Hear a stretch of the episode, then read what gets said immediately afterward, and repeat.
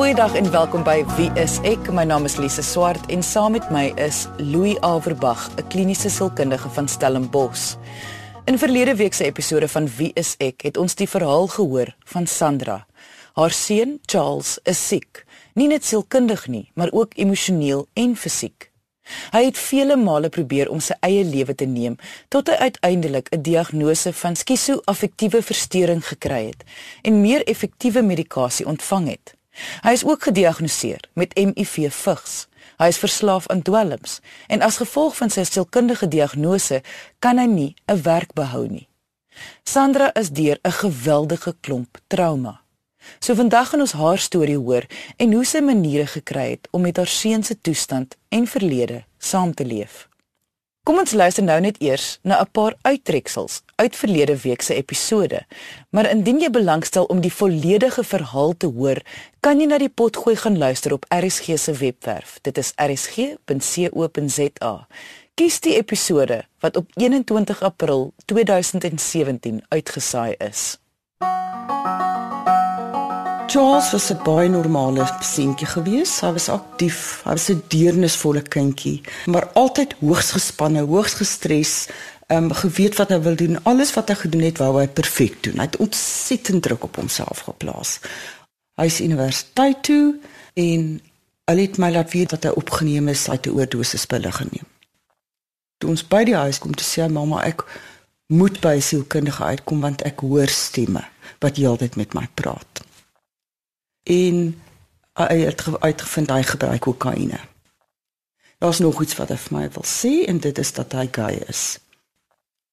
En hy het toe positief getoets vir HIV. So dit was toe nou die derde skok. Iets het net vir my gesê iets is baie verkeerd van hy antwoord my nie. En op my pad na die badkamer toe het ek gevoel sy bene hang uit die lug uit. Toe besef ek hy hang aan 'n aan die balk wat in die kamer is.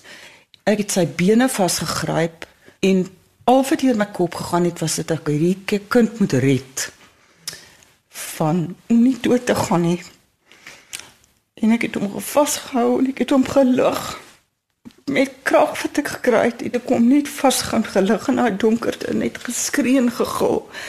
En hy het hierdie wurg geluide gemaak en ek het hom net met al krag wat ek het in my vir kom gelig en op 'n manier wat ek nou nog nie weet hoe nie het hy losgekom en hy het homself weer om die tou vasgemaak en weer gehang.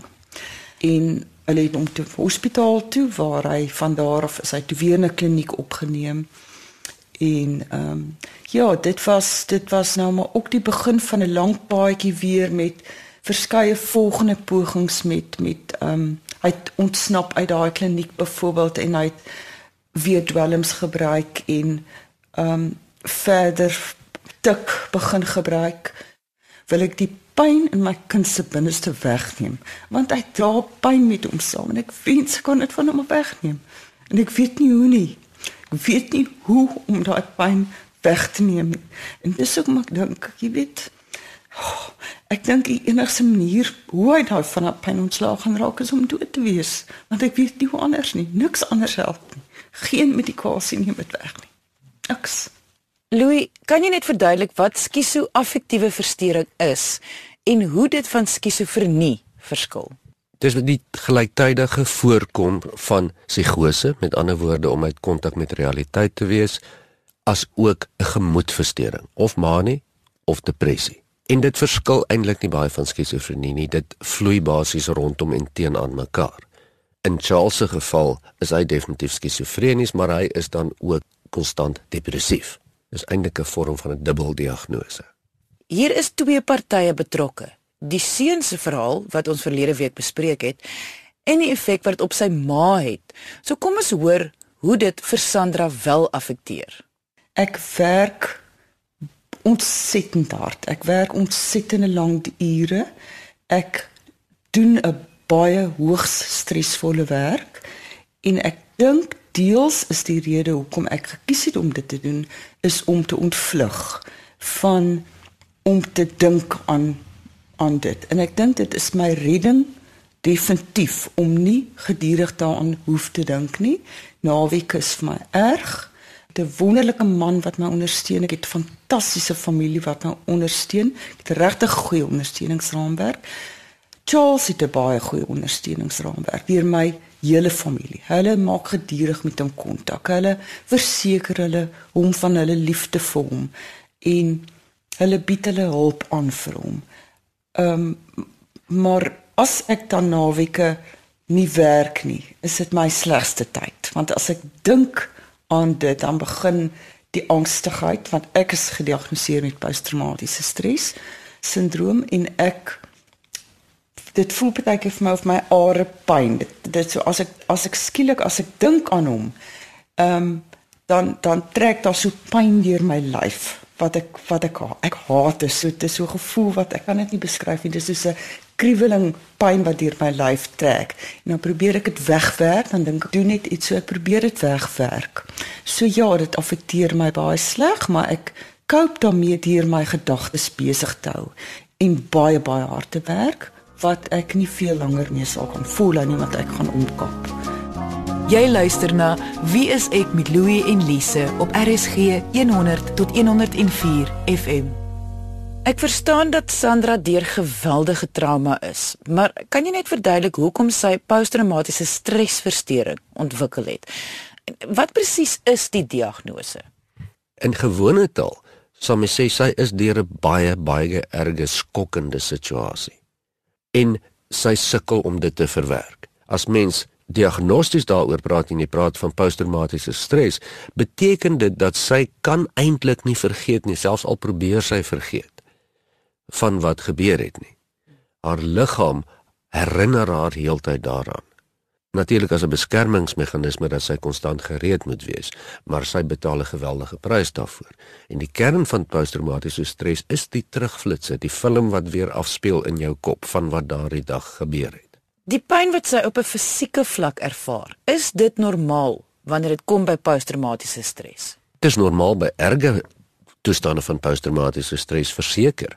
Onthou as sy terugflitsse ervaar, dan gaan haar liggaam weer in skok in en daardie samentrekking veroorsaak natuurlik pyn en lyfpynne. Dit word deur die liggaam geabsorbeer. Dis kenmerkend van mense met posttraumatiese stres dat hulle kopseer het, maagpynne het, rugpynne, nekpynne, tipiese angstoestande.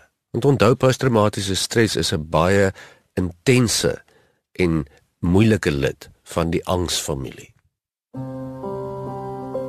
Um, ek ry van een dorp na volgende dorp vir my werk en dis my meditasie tyd en ek my tyd wat ek met die Here praat. Elke dag loop die trane want dit is vir my 'n seer wat ek hier binne in my dra van dat ek weet my kind het 'n pyn wat hy probeer vernietig en hy's besig met selfvernietiging.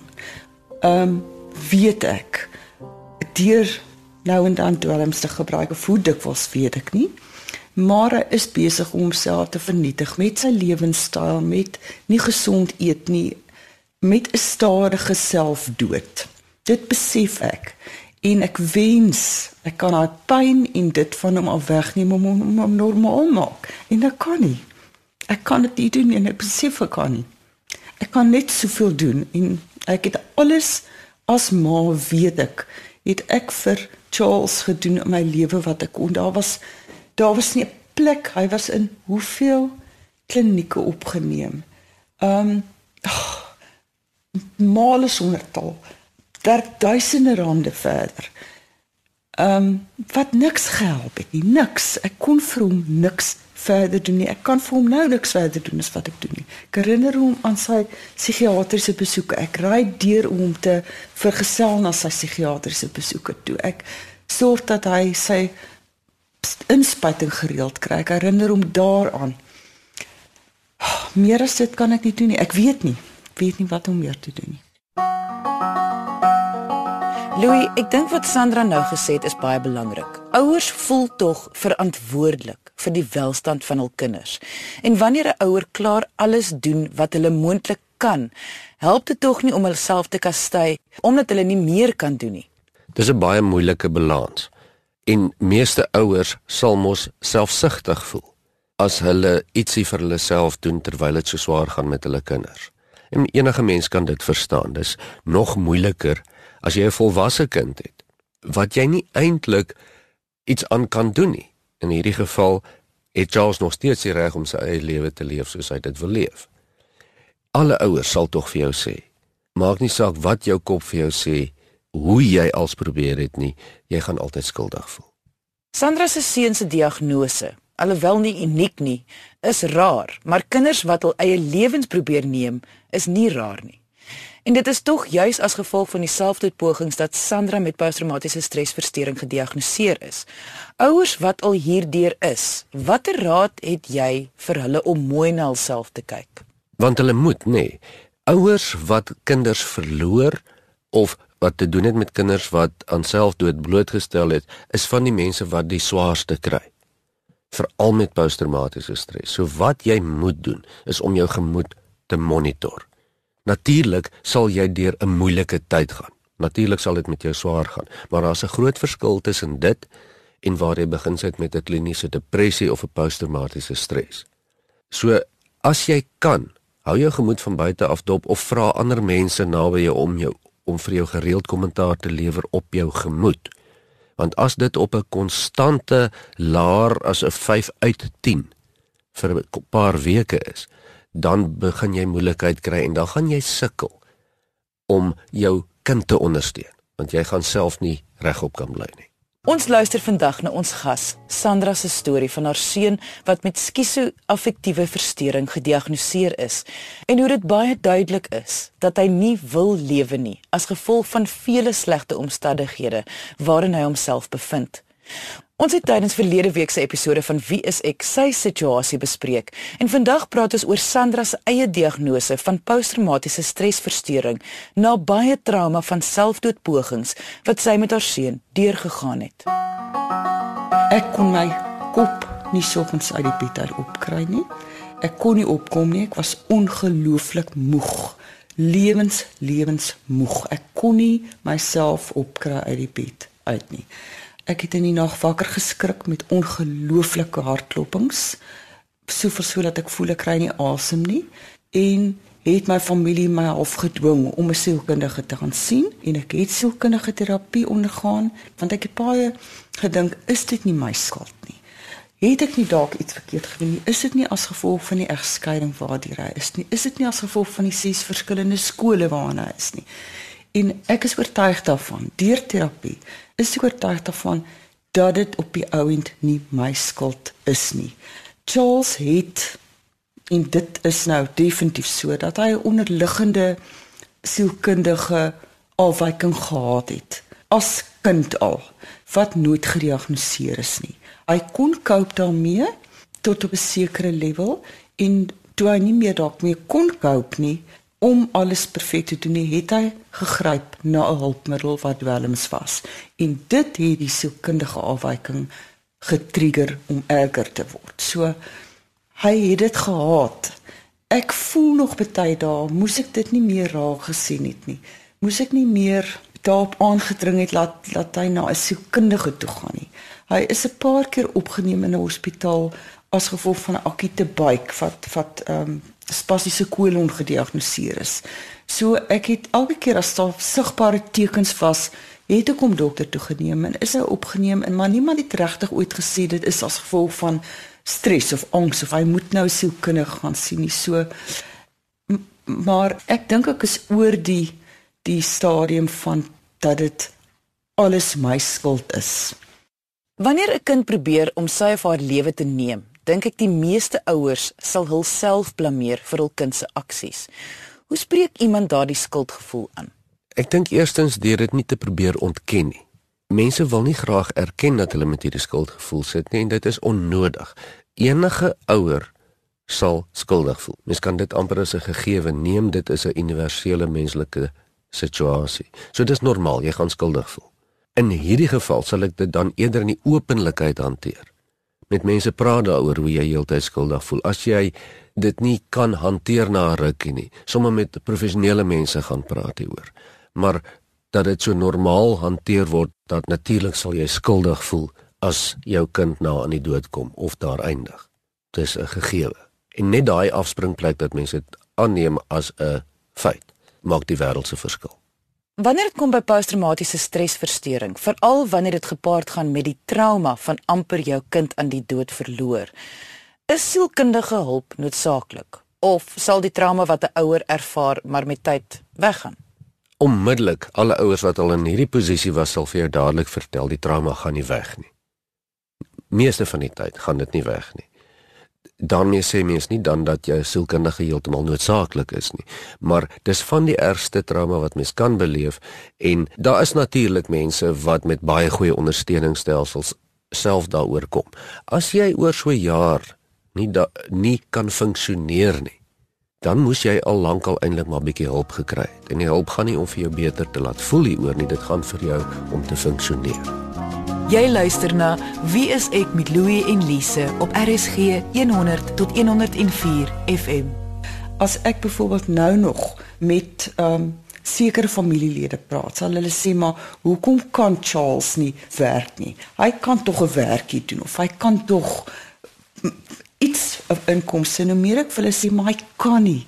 Hy is nie kapabel om dit te doen nie. Hy het hierdie diagnose en hulle verstaan dit nie. Jy weet, en net om met iemand te kan praat soos 'n sielkundige wat vir my sê hulle verstaan en dit is so en ek moet dit so hanteer en ek moet sekere mense ignoreer of vermy of ek moet 'n situasie so hanteer of ek moet hier my voet neersit en ek moet daar strenger wees of ek moet jy weet net daai guidance as ek dit so kan stel um, om te kan cope definitief definitief. Ek dink nie ek sou enigsins kon koop as ek nie deur daai sielkundige terapie is nie. Verseker nie.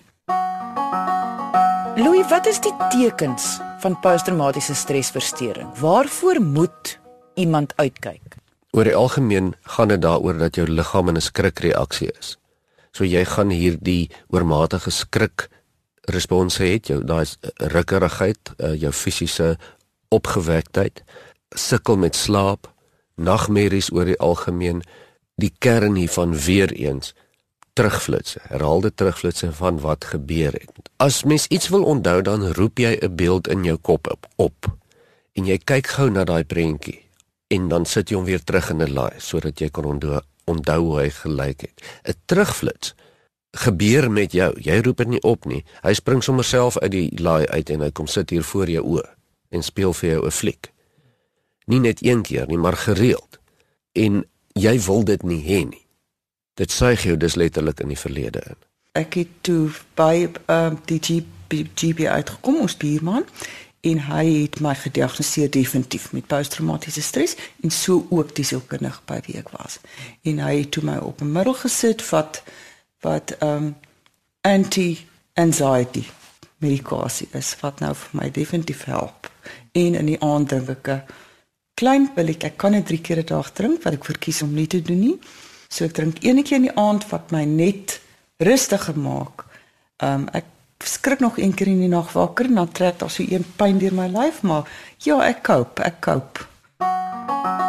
Ons moet net ook gesels oor beheer. Ek voel waar ouers van kinders wat hul eie lewe wil neem, die meeste sukkel is dat hulle geen beheer oor hul kind se keuses het nie. En ons weet dat wanneer 'n mens voel iets is buite mense beheer, dan raak mens angstig en selfs depressief. Is daar 'n manier hoe ouers hierdie situasie van kom ons noem dit geen beheer kan aanspreek? Mens wil nie te slim wees hieroor nie, want dit is daarom werklike angstige situasie, nê. Nee. En dis nie so maklik nie. Maar ek dink wat Sandra doen, is maar wat mens kan doen. Jy wees betrokke waar jy kan, jy help waar jy kan. Jy hou maar jou vinger op die pols en as jy dit nie self kan hanteer nie, dan kry jy mense om jou te help om dit te kan hanteer. En kortliks kom dit dan daarop neer weer eens nou dat jy praat van beheer, dit gaan tog maar oor daai ding dat jy moet doen wat jy kan en laat gaan wat jy nie kan nie. Maar weer eens sê ek, dis baie maklik om te praat. As jy 'n ouer is met 'n kind in hierdie situasie, baie baie moeilik om te laat gaan al kan jy niks doen nie net nog 'n groter rede dat indien jy sukkel om professionele hulp in te roep. Ek weet ek ek weet nie wat is erger om deur 'n kind te gaan of of, of om 'n kind te hê wat wat lewend dood is en of om 'n kind te hê wat reeds dood is, dan dink ek daai persoon wie se kind dood is sy sê ook vir my, ten minste het jy nog jou kind. Maar dan dink ek my kind is wat hy is. Ehm um, hy wil nie lewe nie. Gaan dit nie maar beter wees as hy dood is nie? Dan dink ek maar veronderstel hy is dood. Ek kan my dit nie indink nie want ek meen ek sal ek sal dit sal dit sal vir my verskriklik erg wees. Ek ek weet nie of ek ooit daaroor sal kom nie, maar ek daar is daar wat ek dink, is dit nie beter dat hy liewers gaan dood wees nie as die lewe wat hy nou lei nie, want dit kan vir hom geen plesier wees nie. En dit is nie vir hom 'n plesier nie. Dit is nie vir hom lekker op hierdie aarde te wees nie. So daar is daar wat ek dink ja, dat dit is miskien beter as hy nie as hy dood is, maar ek meen nog terselfdertyd wil my hart breek as ek so daaraan dink. Baie keer werk die lewe so uit dat daar nie veel is wat mens kan doen nie. In hierdie geval kan mens amper sien dat Charles so gesukkel het van die begin af dat hy amper nie 'n kans gehad het en nog steeds amper nie 'n kans het om regtig die lewe te kan oorleef nie. En vir sy ma loop sy natuurlik die pad saam met hom. En al wat ons kan sien wat vir haar regop hou in hierdie proses, na alles wat sy probeer het, is haar ondersteuningsstelsel. So dit is dalk waarop mens kan kommentaar lewer en sê as dinge so buite jou beheer is en jy is al so moedeloos en jy's kort kort op die rand van die afgrond, lyk dit asof mens daarom bietjie meer kan gaan as jy vir jou ondersteuningsstelsel in plek het. En as jy nie een het nie, om dan vir jou kunsmatig een in plek te sit. Hierdie tipe vorms van trauma is regtig erg. Ons is nie gemaak om dit regtig te kan hanteer nie. Ons is nie gebou daarvoor nie. En selfs met hulp sukkel ons maar en kry ons swaar daardeur. So moenie te sleg voel en verwag dat jy dit moet kan hanteer nie, want baie min mense kan. Kry ondersteuning. Ons het aan die einde van vandag se episode gekom. Baie dankie aan Sandra dat sy haar storie met ons gedeel het. Indien jy enige vrae het oor vandag se episode, kan jy ons kontak via ons webwerf. Dit is wieisek.co.za of deur ons Facebookblad onder wieisek met Louie en Lise. Dankie dat jy vandag ingeskakel het. Ons maak weer so volgende Vrydag 12:30 net hier op RSG. Jy moet 'n heerlike naweek hê he, en onthou, kyk mooi na jouself.